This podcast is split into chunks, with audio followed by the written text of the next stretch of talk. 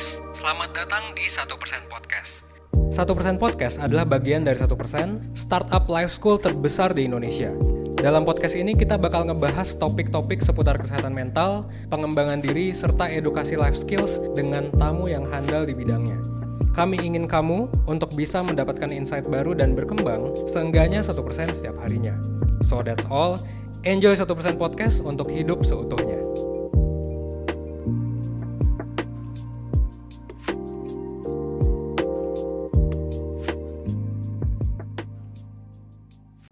Hai hai hai personers, balik lagi di satu persen podcast bersama Leita Lovanya Siregar. Untuk episode kali ini, uh, rasanya harus tarik nafas panjang lagi karena hmm, PSBB lagi. Nah teman-teman personers, aku yakin banget yang tadinya udah semangat mau ketemu teman-teman secara langsung atau menjalani aktivitasnya kembali dengan catatan menjalani protokol kesehatan, tapi ternyata harus lebih sabar lagi sama aku juga ngerasain hal itu pokoknya semua yang personers rasain kayaknya dirasain sama semua orang dan akhirnya kegiatan di rumah kembali lagi seperti biasa kayak kuliah online lagi, WFH lagi, akhirnya jadi scroll-scroll Instagram lagi, scroll TikTok, webinar, dan sebagainya yang mudah-mudahan produktif. Pokoknya personers harus tetap produktif. Nah, ngomongin soal snapgram yang kita sering banget tap setiap kita buka handphone, kayaknya banyak ya teman-teman yang udah mulai mencapai target dan mendapatkan hal-hal yang baik yang buat dirinya itu lebih produktif gitu. Seperti kayak jualan online terus dapat income yang banyak. Terus teman-teman kita juga banyak yang main saham atau reksadana, magang, sempro, sidang, dan lain-lain dan kadang tuh bikin teman-teman personers termasuk aku jadi ngerasa kok kayaknya teman-teman gue produktif banget sementara gue gini-gini aja ya? Nah kok teman-teman gue bisa gitu nambah value dari dirinya sendiri sementara gue kayaknya stuck deh. Nah teman-teman bener banget kali ini kita bakal ngomongin tentang self value seperti biasa agar lebih seru lagi, lebih bermanfaat lagi, aku nggak sendirian, yaitu aku ditemenin oleh salah satu mentor dari satu persen, yaitu Kak Hani. Kita sapa dulu Kak Haninya. Halo Kak Hani. Hai Leta. Ketemu lagi Kak Hani. Kak Hani baik-baik aja, sehat? Baik-baik aja, sehat-sehat. Oke, syukur kalau kayak gitu deh Kak. Nah, kita hari ini mau ngomongin self value nih, Kak Hani. Mm-hmm. Nah, dari tadi yang aku bawain sih sebenarnya tentang kayak kok teman-teman lebih, kok teman-teman kayaknya uh, lebih bisa produktif sementara diri sendiri kok enggak gitu kak. Akhirnya jadi minder atau jadi self rejected. Akhirnya kita jadi kehilangan self value itu sendiri gitu. Nah, tapi aku mau ngelurusin sih kak, sebenarnya self value itu apa sih kak? Sebenarnya gini Le, self value itu konsep yang lebih jarang kita dengar. Yang lebih sering kedengaran sebenarnya adalah self worth. Kesannya mirip, tapi itu beda. Apa sih bedanya? Jadi gini, kalau self worth adalah kesadaran bahwa kita itu adalah orang yang baik, yang layak untuk diperlakukan dengan hormat. Kalau self value itu berbicara tindakan kita kepada diri kita sendiri karena kita sadar bahwa kita itu uh, bahwa kita itu worth yang tadi. Jadi bedanya kalau self worth itu adalah cara kita berpikir tentang diri kita sendiri. Kalau self value itu cara kita berperilaku terhadap diri kita sendiri.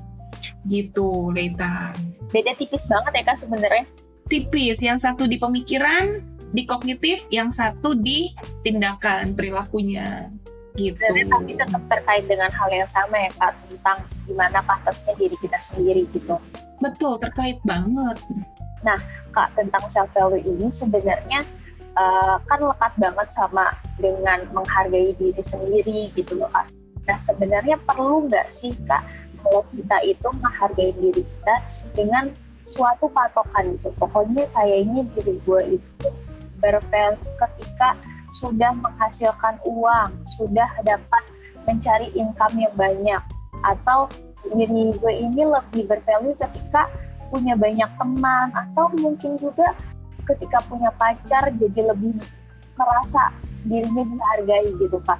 Nah, jadi gimana tuh Kak menurut Kalau patokan kita kita itu worth atau kita itu punya value kalau kita yang tadi kamu kasih contoh tuh rasanya sih mungkin sampai kapan pun kita akan selalu menganggap diri kita kurang. Karena ya Le yang namanya langit selalu ada langit di atas langit. Jadi kalau tadi kita merasa gue nih keren atau gue nih berharga kalau udah punya penghasilan sekian kalau punya teman-teman sekian kalau ikut perkumpulan apa kalau punya iPhone yang terbaru baru kita tuh berharga gitu itu jelas-jelas salah banget kita tidak bisa loh pakai patokan itu untuk bilang bahwa kita itu punya value gitu. Karena kalau kita pakai patokan jadi value le nggak akan pernah cukup deh. Kita akan selalu bisa melihat orang lain yang lebih baik dari kita. Jadi sebenarnya harusnya patokan itu cukup untuk menjadi target ke depannya agar lebih baik dan lebih baik lagi ya nggak sih kak? Setuju target boleh mimpi gitu ya harapan gue mau begini gue mau begitu boleh banget tapi kalau itu jadinya yang kita pakaiin buat menilai itu salah. Tapi setuju banget yang Lita bilang. Kalau itu dijadiin target itu boleh banget. Justru harus ada target kan supaya kita maju. Tapi bukan berarti sebelum kita mencapai target itu artinya kita tidak punya value. Nggak begitu. Nah terkait dengan yang barusan Kak Hani bilang tuh ketika kita sedang berproses untuk mencapai target itu bukan berarti dong kita ini nggak ada value-nya. Nah, supaya kita tahu tuh Pak, sebenarnya value kita tuh apa sih? Jadi tuh gimana sih sebenarnya menghargai diri kita sendiri? Ciri-cirinya tuh gimana sih Kak? Oke, okay, aku akan jawab pertanyaan yang pertama. Value kita tuh apa sih? Kalau tadi dibilang kita tidak boleh membandingkan atau melihat orang lain, menurutku value paling mendasar yang membuat kita berbeda dengan ciptaan yang lain adalah bahwa kita ini manusia. Itu udah yang paling dasar yang seharusnya itu membuat kita sadar bahwa kita itu dalam tanda kutip ya lebih mulia daripada ciptaan yang lain, daripada binatang, daripada tumbuhan.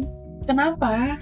Ya karena manusia adalah manusia. Dululah kita belajar waktu SD, manusia adalah makhluk yang mempunyai akal budi dan bla bla bla bla bla. Jadi sebenarnya dengan kesadaran bahwa kita manusia itu sebenarnya udah cukup gitu. Jadi menghargai diri sendiri tadi ya, kalau kita sadar bahwa kita adalah manusia, kita akan tahu bahwa kita tuh sama kayak manusia lainnya. Maksudnya sering kali aku melihat orang yang merasa bahwa gue tuh lebih kurang manusia daripada orang lain. Mungkin nggak jelas-jelas bilang seperti itu. Tapi dalam perilaku kita, yang jadi kelihatannya adalah contoh nih ya teman-teman kalau ada gejala-gejala kayak gini perhatiin nih ketika lagi rapat terus tanya pendapat. Kita berpikir bahwa ya udahlah pendapatnya dia lebih benar kali. Gue emang nggak ngerti apa-apa. Sering banget kayak sih hmm, nah kalau udah kayak gitu pertanyaannya kita manusia teman kita manusia kan? Sama sama manusia. Kenapa kita jadi merasa bahwa kita itu di bawahnya teman kita? Padahal sama-sama manusia yang punya kebebasan berpendapat. Itu mungkin salah satu ciri yang menunjukkan bahwa kita kurang menghargai diri kita sendiri. Jadi kita merasa bahwa kita tuh lebih kurang manusia gitu. Atau ada apa-apa ya udahlah ikutin pendapat dia aja. Ketika tanya, "Eh, lu mau makan di mana?" Ya udahlah ikutan yang ramean aja gitu. Bukan nggak boleh sih dalam kita yang namanya berteman gitu ya. Terkadang kita ikutin orang, tapi terkadang ingat perlu balance. Kita pun boleh berpendapat, kita pun boleh ngasih tahu apa yang kita mau. Itulah namanya manusia berelasi gitu. Jadi mungkin ciri-ciri yang paling bisa dilihat kalau tadi Leta tanya gimana caranya kita menghargai diri sendiri, ya dengan itu kita sadar bahwa kita sama manusianya dengan orang lain gitu Leta. Soalnya ketika kita merasa uh, orang lain lebih berharga itu akhirnya uh, jadi self rejected dan jadi minder gitu ya nggak sih kak? Benar. Sebenarnya yang aku mau tanyain menghargai diri sendiri itu aku yakin itu penting banget gitu ya. Nah tapi ada nggak sih dari kahan kenapa sih itu penting banget harus menghargai diri sendiri? Karena gini, kalau kita aja nggak menghargai diri kita, gimana orang lain bisa melihat bahwa kita adalah um, sesosok yang perlu juga dihargai, perlu juga dihormati. Contoh kalau kita selalu jawab, ya terserah aja lah, terserah aja lah, terserah aja lah. Lama-lama kan orang nih akan males kan nanya pendapat kita. Ya udahlah misalnya, si Leta usah ditanya, dia mah selalu iya-iya aja, gitu kan. Jadi kan lama-lama orang jadi tidak memandang kita kan, ya udahlah, gitu. Nah, jadi sebenarnya kalau seandainya kita akan minder dan seperti itu loh kak, itu cara untuk cara untuk membalik memaksakan diri kita untuk sadar iya ternyata gue tuh bernilai loh. Gimana tuh kak caranya? Yang paling pertama tadi kesadaran bahwa kita manusia sama kayak orang di kanan kiri kita terlepas ya dari seberapa uang yang kita punya apa pendidikan orang tua kita dan hal-hal yang bisa dinilai secara materi hal mendasarnya tadi kita sama manusianya dengan manusia lain. Sebenarnya itu hal yang paling mendasar banget menurutku. Yang perlu kita sadari secara berulang. Jadi artinya nggak bisa sekali terus kita akan sadar terus. Ya enggak, ketika kita mulai kayak, aduh udahlah gue ngikut aja. Sadari lagi, ulangi lagi bahwa oke okay, gue manusia, dia juga manusia. Gitu, sama-sama ciptaan Tuhan kalau kita mau bilang kayak gitu. Atau mungkin bisa dibilang kalau seandainya lanjutannya dari menyadari gue manusia, dia juga manusia. Nah, karena kita dua-duanya sama manusia, kalau dia bisa, kenapa gue gak bisa? Gitu ya gak sih, Kak? Bisa, betul juga. Itu jadi penyemangat kita tadi itu kan ya. Gitu. Karena kita jadi punya target, ya kalau dia bisa, gue juga bisa. Yang perlu diingat adalah ketika kita merasa kita tidak bisa, bukan berarti kita tidak bernilai. Tetap kok sama bernilainya. Ginilah, mungkin ada teman-teman yang udah pernah dengar cerita ini. Kalau ada uang 100 ribu yang baru keluar dari bank, sama ada uang 100 ribu yang udah diinjek-injek, jatuh ke dalam selokan, dikasih ke teman-teman, teman-teman tetap mau nggak sih? Kamu mau nggak, Le? Ada uang 100 ribuan tapi udah sempat jatuh ke selokan? Tetap dong, karena itu nilainya sama, ya nggak sih? Yo, nilainya sama. Terlepas dari yang itu udah kotor, yang satu baru keluar dari bank, nilainya sama. Artinya terlepas dari apa yang kita punya, baju apa yang kita pakai, status keluarga kita, kita sama manusianya dengan orang lain. Jadi kayak tadi, mau 100 ribu itu keluar dari selokan, mau 100 ribu itu dari bank, sama dia 100 ribu. Gitu, Leita. Iya, nah tapi ketika kita udah menghargai diri kita sendiri, kita udah memotivasi diri kita sendiri agar mencapai target-target kita dan akhirnya ketika mencapai target kita pasti kita akan merasa lebih pede dan lebih menghargai diri sendiri tapi terkadang ada uh, treat atau perlakuan seseorang yang mungkin uh, membuat kita kayak oh iya ya gue kayaknya nggak sebernilai itu deh. Buat kita minder lagi buat kita mundur lagi.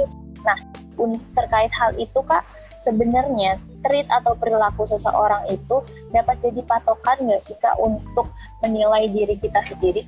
Mungkin kalau sebatas kita mengevaluasi kenapa ya gue diperlakukan seperti itu, bukan untuk meratapi nasib ya, kayak aduh kasihan ya gue digituin, aduh sedih banget, itu tidak ada faedahnya. Tapi kalau untuk kita mengevaluasi diri, kenapa ya gue kok pendapatnya nggak pernah didengar, oh mungkin karena selama ini gue lebih banyaknya diem-diem aja. Selama ini lebih banyak nggak mau kasih pendapat. Itu kan jadi kaca untuk kita berubah gitu kan? Nah itu sih Le. Jadi uh, lebih ke arah jadi kita untuk berkaca kenapa ya tapi bukan untuk jadi sarana mengasihani diri kok digituin kok digituin gitu dan kalau tadi kamu bahas tentang gimana cara orang mandang kita nih, kita udah pede, udah tahu kita punya self worth, tapi ternyata ada orang ngecilin kita gitu ya. Nah, cara yang paling baik tuh gimana sih? Aku sering bilang sama klien-klien aku, ketika seseorang mengecilkan diri kita misalnya, dari 0 sampai 10, aku akan bilang itu sakitnya 5. Tapi ketika kita mengiyakan pendapat orang itu tentang kita, itu sakitnya 10 Iya kan, orang boleh bilang, ih kok kamu handphonenya yang ini sih nggak keren banget. Sakit sih, tapi buat aku tuh sakitnya 5 kalau skalanya 10. Tapi begitu kita bilang, iya ya, gue nggak keren banget sih handphonenya begini itulah yang bikin kita dua kali sakitnya jadi gini bayangin lagi kita itu punya pagar untuk menerima atau enggak omongan orang lain. Orang lain boleh nyerang kita tapi ketika kita mengiyakan serangan mereka itu buat aku jadi double sakitnya ke diri kita sendiri. Jadi yang paling penting tadi gimana kita bisa menyaring pendapat orang lain tentang diri kita? Gitu. Karena kalau seandainya diri sendiri aja udah nggak merasa dirinya worth terus siapa lagi yang merasa dirinya paling worth ya nggak sih kak? Mm-mm, betul. Nah itu tuh Kak Adi kan tadi aku bilang kalau seandainya kita tidak memandang diri kita bernilai, siapa lagi yang akan memandang diri kita bernilai, apalagi orang lain gitu. Nah tapi Kak tentang self value ini, kalau kita menghargai diri sendiri, apa ada efek negatifnya? Atau mungkin nanti akan over dan akan meng dan akan merugikan orang lain? Apakah memang apakah ada batasnya gitu loh kak gimana batas kita untuk menghargai diri sendiri supaya tidak merugikan orang lain gimana menurut kak Hani? Oke, okay, secara prinsip segala hal di dunia ini kalau berlebihan selalu tidak baik. Kebebasan, kebebasan butuh diiringi dengan tanggung jawab. Selalu ada penyeimbangnya.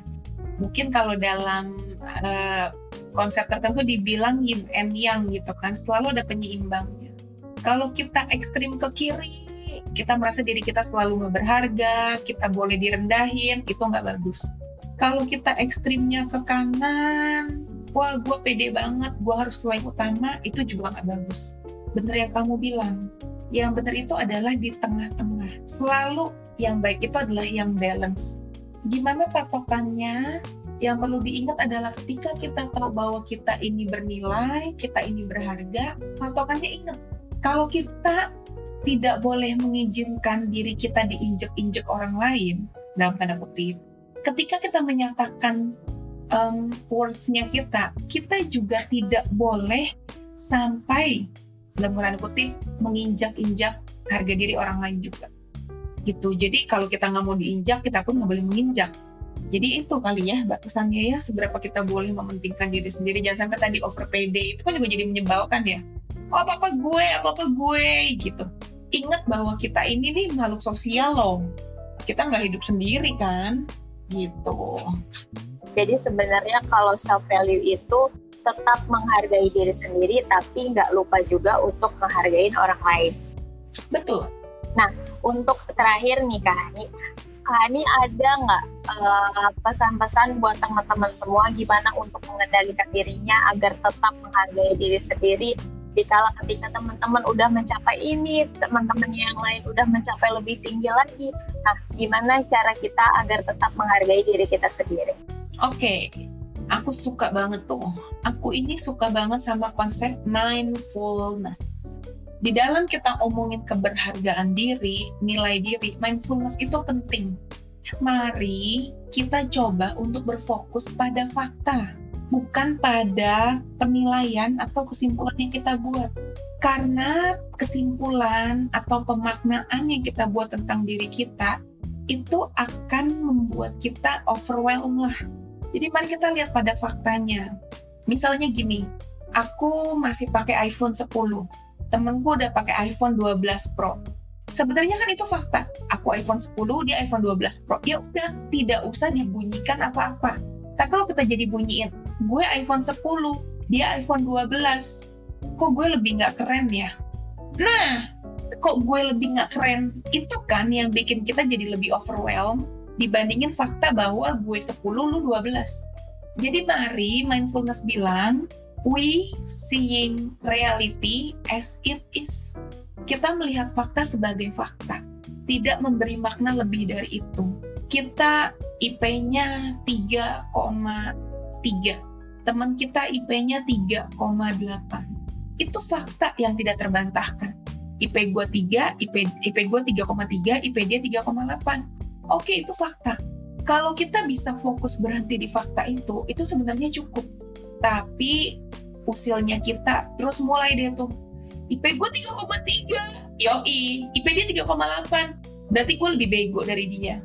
Berarti gue lebih bodoh dia lebih beruntung sih orang tuanya kayak bisa nyediain fasilitas gue 3,3 ya orang tua pas-pasan gini kuliah aja beasiswa ya emang nasib gue nggak baik dan seterusnya itu kan yang membuat kita jadi mulai tambah merasa bahwa ya gue ini emang nggak ada bagus-bagusnya lah. Gue mah kebetulan aja ada di dunia misalnya gitu. Nah jadi kalau caranya gimana buat aku? Mari kita melatih diri untuk melihat fakta sebagai fakta titik. Tidak usah ditambahkan pemaknaan-pemaknaan. Gue begini gue begitu. Gitu Lita. Jadi sampai di ya sudah dia sudah mencapai itu udah. Aku mencapai ini ya udah seandainya memang dia lebih baik kita harus uh, bukan untuk merendahkan diri kita tapi itu menjadi uh, motivasi kita gitu ya kak. Iya jadi kayak kamar kepisah gitu loh Lei. Di kamar yang satu kita melihat bahwa oke okay, IP gue 3,3 IP dia 3,8 oke okay, stop. Di kamar sebelahnya tapi gue mau tapi gue akan mencoba untuk bisa lebih baik gitu. Jadi bayangin ada dua kamar yang berbeda. Jadi ini nggak kamar yang terkait nggak dalam arti kalau IP gue nggak 3,8 jadi gue worthless. Ya enggak fakta ya fakta target ya target. Nggak dua kamar yang ada connecting doornya gitu loh. Iya iya. Karena karena kalau seandainya membanding-bandingkan diri dengan orang lain itu nggak akan ada habisnya ya kak. Jadi yang harusnya dibandingin adalah dirinya yang dulu dan dirinya yang sekarang gitu. Betul. Sehingga kita bisa lihat progresnya kita dan kita bisa lihat bahwa oke okay, gue lebih setidaknya gue lebih baik daripada diri gue yang dulu gitu. Oke, okay, thank you banget nih Kak Hani. Mudah-mudahan personal semua udah bisa menggali self value-nya sendiri tanpa jadi galau-galau lagi. Aduh, kenapa sih gue gini-gini aja ya ngasih Kak Hani? Bener, jadi perseners inget ya self value sama self worth itu beda. Self worth itu gimana cara kita memandang, self value itu gimana cara kita bertindak. Eh gini lah, kadang-kadang ada orang yang tahu bahwa dirinya tuh bernilai bahwa dirinya adalah orang yang pantas dihargai. Tapi self value-nya nggak ngikut. Oh iya iya. Bisa kan? Ya gue tahu sih sebenarnya gue nggak boleh begini gitu kan? Ya sebenarnya gue sama manusianya kayak orang lain. Ya tapi tetaplah nggak enak buat ngomong. Ayolah kita berhenti dari budaya nggak enakan itu. Jangan cuma sampai tahu di pikiran tapi sampai keluar di tindakan mulai ya le dari hal yang paling kecil deh kalau ditanya lu mau makan di mana? Kita coba yuk untuk nggak bilang terserah terserah. Cewek-cewek nih kak biasanya nih ditanya ciwi-ciwi ya. Kalau tanya makan di mana sampai dulu temanku gemes banget dia pernah bilang ini nanti gue punya duit gue mau buka usaha uh, eh, gue mau buka restoran nama restorannya terserah. Jadi kalau tanya lu makan di mana? Terserah. Jadi udah ada tempatnya udah ada tempatnya saking dia kesel katanya cewek tuh kalau ditanya makan di mana terserah terserah gitu ntar gue buka restoran namanya terserah katanya gitu Oke oke kak. Jadi kayak gitu ya kak. Uh, harus ada tetap menghargai orang lainnya, menghargai diri sendiri juga. Jangan terlalu membandingkan diri terhadap orang lain, tapi itu dijadiin motivasi aja. Oke deh, itu buat personer semua. Terima kasih banyak Kak Hani atas waktunya. Oke, sama-sama Lita. Dan ilmunya yang sangat bermanfaat bagi personer semua. Mudah-mudahan ini akan menjadi uh, reminder buat teman-teman semua agar menjadi lebih baik lagi dan lebih menghargai dirinya sendiri. Thank you personers yang udah dengerin. Jangan lupa tetap selalu on di Instagram satu persen podcast dan lain-lain. Terima kasih personers. Terima kasih Kak Hani. Oke, okay, Leta, thank you.